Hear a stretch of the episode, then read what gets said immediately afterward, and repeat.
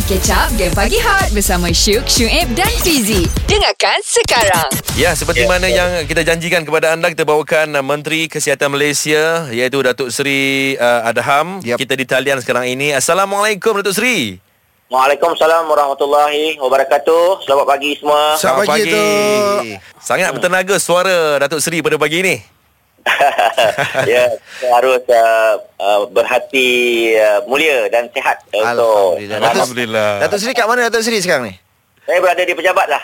Oh. Oh, awal. Awal di pejabat Datuk Seri Kami nak Ya. tanya uh, Keadaan terkini Statistik uh, pesakit COVID-19 Hmm. uh, Terkini mencatatkan Dua kematian semalam Ya, uh, ya. So bagaimana keadaan terkini Datuk Seri? Ya, uh, seperti yang saya umumkan petang semalam ya. Mhm.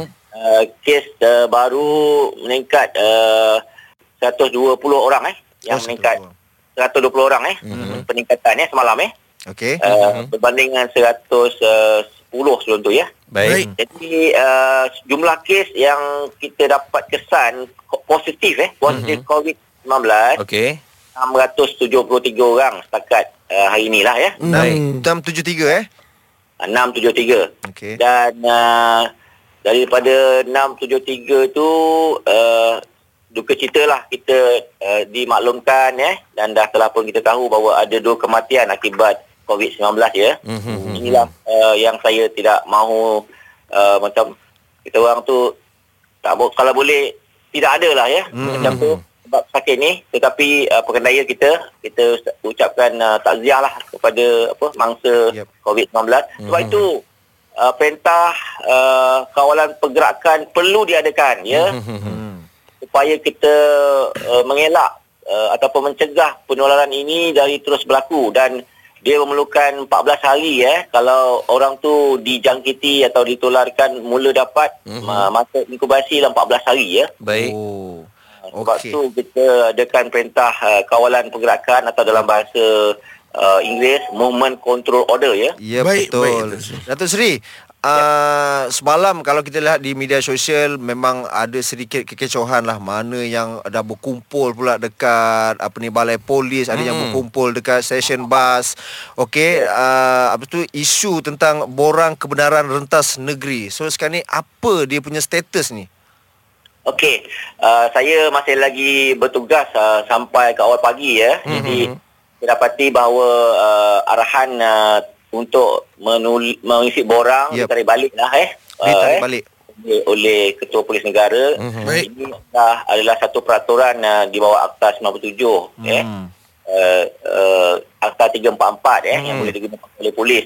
Oleh kerana pun uh, untuk mengelak uh, sebarang masalah ya. Mhm. Jadi kita terus mengukuhkan Akta 342 Mhm. uh, Akta Pencegahan dan Pengawalan eh. Akta Pencegahan dan Pengawalan Penyakit Berjangkit 1988 1988 ya. Mhm. Akta 342 di mana kita mahu rakyat duduk di rumah ya. Mhm. Uh, ada pengecualian ada pengecualian sikit-sikit lah tapi yang itu akan uh, sedang sedang apa sedang dan mula di apa dimaklumkan oleh Majlis Keselamatan Negara ya. Ya. Baik, Kita Seri. ada, kita ada apa tu apa safety center yang ditubuhkan eh. Ya maksudnya uh, apa ni borang kebenaran rentas negeri tu memang dah di uh, dimansuhkan lah, maksudnya tak jadilah.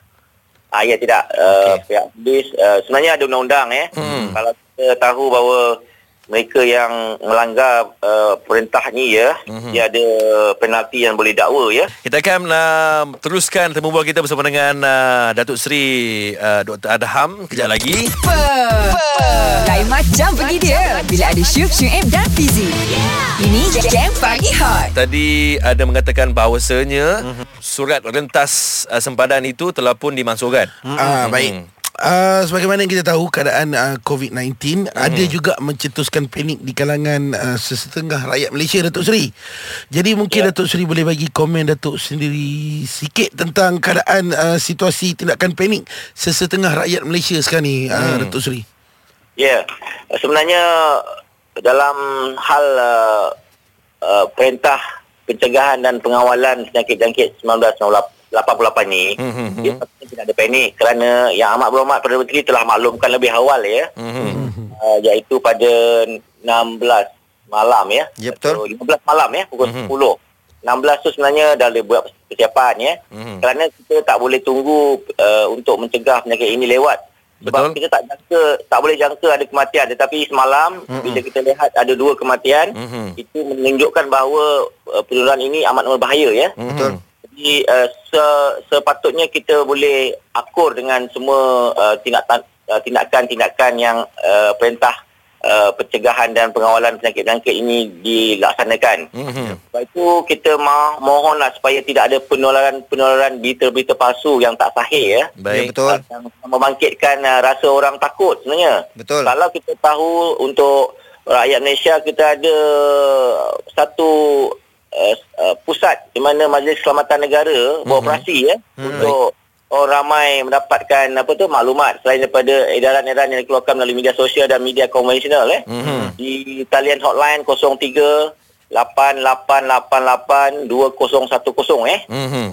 Ah, dengan perkara yang boleh dan juga tidak eh kita laksanakan. Mhm. Dan di peringkat Kementerian Kesihatan kita ada Crisis Preparedness and Response Center Mhm. kebangsaan ya Baik. yang bernombor 0388810200 Mhm. 0388810600 0388810700 di mana rakyat eh boleh eh dapatkan maklumat eh Ya betul. dan bagi saya saya nak maklumkan perkara ini adalah penting juga kerana uh, jumlah negeri-negeri yang uh, mendapat jumlah kes tertinggi eh hmm. COVID-19 iaitu di Selangor eh 161 kes ya. Hmm. Baik tu. Wilayah Persekutuan uh, termasuk Putrajaya campur 113 yang ini jumlah yang terramai eh. Okey. Jumlah yang oleh COVID positif eh. Ju- Uh, Sabah Ah, Sabah nombor 3 Yap. 82 kes Mhm. uh, yang dapat dikesan ya positif ya lepas tu Johor 77 yang mana uh, kita tahu hubungan uh, uh, dengan Singapura ya Ya, uh, itu sangat penting bagi rakyat yang kurang alik uh, jadi ada perkara yang sepatut yang tidak boleh ditimbulkan sebagai berita palsu ataupun tidak sahih eh Mhm. yang Ya, dikeluarkan oleh uh, mereka-mereka yang tidak bertanggungjawab yang ini uh, kita perlu eh melihat bagaimana MC-MC Kementerian Komunikasi dan Multimedia mengambil tindakan ya Baik. Uh, sebagai uh, Menteri Kesihatan Malaysia, pesanan Datuk Seri kepada rakyat Malaysia yang sedang mendengarkan Hot FM sekarang ini. Silakan Datuk Seri. Ya, kita mesti lindungi diri sendiri.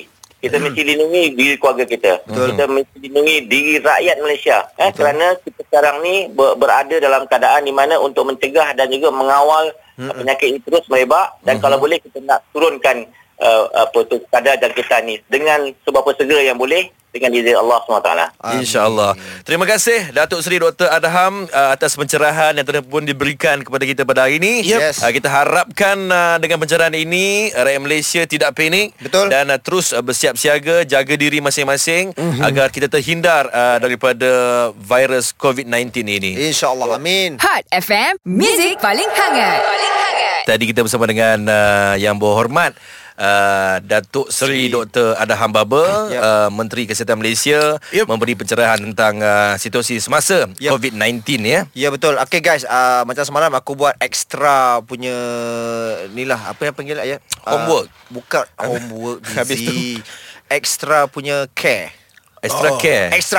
Okey. Apa Ex- benda yang kau buat? Semalam aku uh, ada panggil ada satu orang ni lah dia sembuh sanitizer. Oh, aku tengok kat IG story. Ah, sanitize office, sanitize rumah dul. Hmm. Ah, semua aku sanitize kan sebab uh, bukanlah kita macam mana kita macam nak meningkatkan lebih keselamatan tu macam itulah. Baik, baik, baik, so, baik. Semua macam kat office semua tombol pintu, tempat-tempat yang dipegang-pegang-pegang ni semua disanitize kan dul. Baik. Okey, hari ini merupakan hari pertama untuk Perintah Kawalan Pergerakan. Betul. So uh, apa yang aku nak buat lepas-lepas balik kerja ni, mm-hmm. aku akan duduk kat rumah mm-hmm. dan berbincang dengan family aku. Mm-hmm. Mungkin kita akan buat makan-makan uh, di antara keluarga je dekat rumah. Oh, better. Anak-anak pun aku memang uh, tak bagi keluar rumah langsung lah kalau Jangan, boleh. langsung, Memang duduk dekat rumah apa semua. Kebetulan mak mentua dengan ayah mentua aku pun ada kat rumah ni. Ah, cantik lah tu buat Ah, gathering kat rumah. So gathering kat rumah Aku pun ada uh, Banyak game app uh, Yang aku beli dulu Yang tak habis main Aku target tu je Yelah.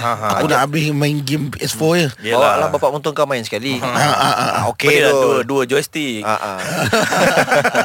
kau, aj- kau kena ajar dia Macam mana nak main game Eh bapak mentua aku muda lagi Oh ya Ah. yeah. Aku pernah jumpa lah Bapak mentua dia Masa pergi kat Sabah tu hari hmm. Ah, ah, ah. Bapak dia mentua aku Bapak mentua aku lah memang Apa lagi Apanya? Kaki karok Karaoke Karaoke Oh itu aktiviti yang dia buat lah Ah ni ada rumah ni. Oh. Maka kejap lagi ho. Pusat karaoke.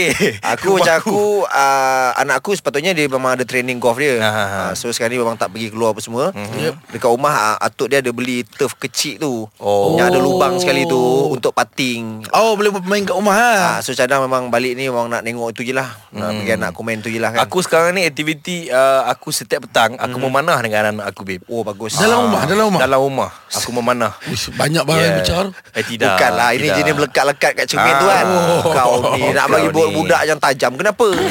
Weh. Itu satu aktiviti yang bagus sebenarnya. Memang Ah. Ada banyak aktiviti yang boleh dibuat Mhm. So kita nak tanya lah Hari ni hari pertama kan Kita punya uh, perintah kawalan pergerakan ni Mhm. So apa aktiviti korang buat hari ni? Awesome ke pagi kurang kalau tak layan game pagi hot? Takkan. So, dengarlah Syuk Syuib dan Fizik.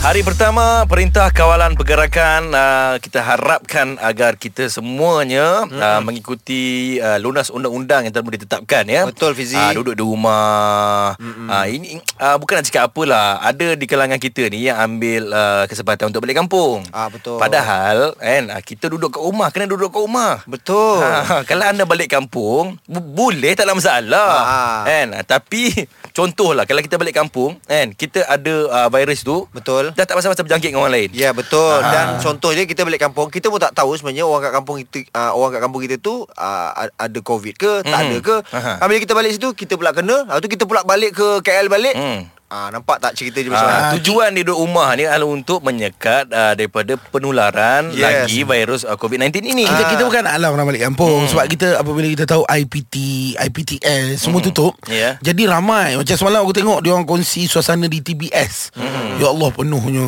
Ya. Ramainya manusia Ah, bila ramai tu itu itu yang jadi Takut. hal tu. Ha. Kita tak tahu siapa yang ada covid ni dan mungkin dia yang ada covid pun tak tahu dia ada covid-19. Yeah. Nampak tak? Ah, seleloknya kalau anda ada rasa simptom-simptom tu, hmm. pergilah jalani ujian saringan. Ya, jaga jarak anda dengan orang lain ya. Hmm. Jangan bersentuh-sentuhan. Ah, tapi hari pertama ni Haji aku rasa memang semua ramai yang follow sebab ah, masa tadi aku on the way nak datang kerja, selalunya mesti banyak kereta. Yes. Tapi tadi, uish, Lengang, aku kan? tengok lengang. Suasana macam cuti raya kau. Ya. Hmm. Baiklah sekarang kita ada orang Kelantan Jipok ni. Okey. Ah hari pertama Perintah Kawalan Pergerakan. Apa aktiviti Jipok? Ah, buat masa sekarang ni saya sedang uh, tidur berehat seketika. Oh. Hari-hari, hari-hari bangun pagi pergi kerja. Hari ni kita rehat kat rumah dulu. eh. Oh, Jipok awak kerja kita apa Jipok? dulu. Ah, saya kerja biasa-biasa je. Ah, office boy katakan. Ah, Office boys. Tapi dia ni ke- aku dah dengar cerita, dia ni kerja dekat USM. Oh, USM belum Mina. Bukan, Ya, Kelantan, Kelantan. Oh, so awak kerja bagai office. Ah, ah, ya, ya. Ah, ah, dia maksudnya memang uh, office tutup selama 2 minggu ataupun uh, selama 2 minggu ni awak kerja daripada rumah. Okey, uh, selama dua minggu ni saya bekerja daripada rumah. Office uh, saya buka tapi yang uh, ejen-ejen saja yang akan kerja. Mm-hmm. Okey, kalau ada macam uh, apa-apa perlu diselesaikan, kita pergi office, kita buat uh, selesaikan settlement kerja tu, so kita baliklah. Uh, macam tu lah. Ah, baiklah walaupun duduk kat. Walaupun duduk kat rumah selesaikan kerja office Jangan pula awak berniaga online pula eh kat rumah Ah, ah. Ah, dekat rumah kita rehat lah kan dah uh, kerajaan bagi tempoh berkurung so kita buat apa yang uh, kerajaan suruh lah eh. jangan keluar eh itu boleh menyebabkan ramai lagi uh, masyarakat di luar uh, terkena uh, COVID-19 ni ha jadi so kita duduk kat rumah je ha. Bagus. So so di Kelantan tu macam mana keadaan dia sekarang ni? Di Kelantan kalau kita lihat sekarang ni ha, masih lagi terkawal tetapi ramai lah masyarakat, masyarakat ramai daripada KL yang nak balik Kelantan ni Yalah kita doakan yang baik-baik Jipok eh. Ah, semoga semoga semuanya baik-baik saja eh. Amin. Hot FM, Music paling hangat. Paling hangat. Terima kasih kepada semua yang sudi mendengarkan Hot FM di mana jua anda berada yang mungkin baru bangun tidur. Amboi, seronok nampak.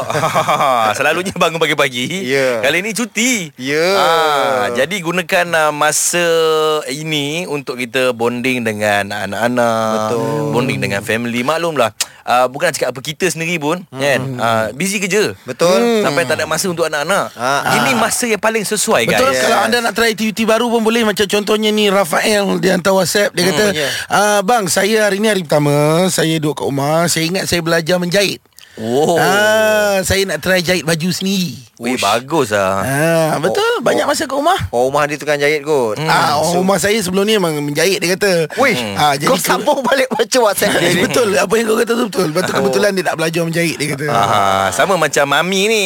Ah, dia kata saya kat rumah sekarang ni dengan husband. Orang Penang, eh, orang Ah, Penang, eh. Mengecat rumah. Oh elok. Ah, maklumlah rumah kami dah lama tak cat nak, nak bagi orang upah orang Ah, ah. mahal sangat.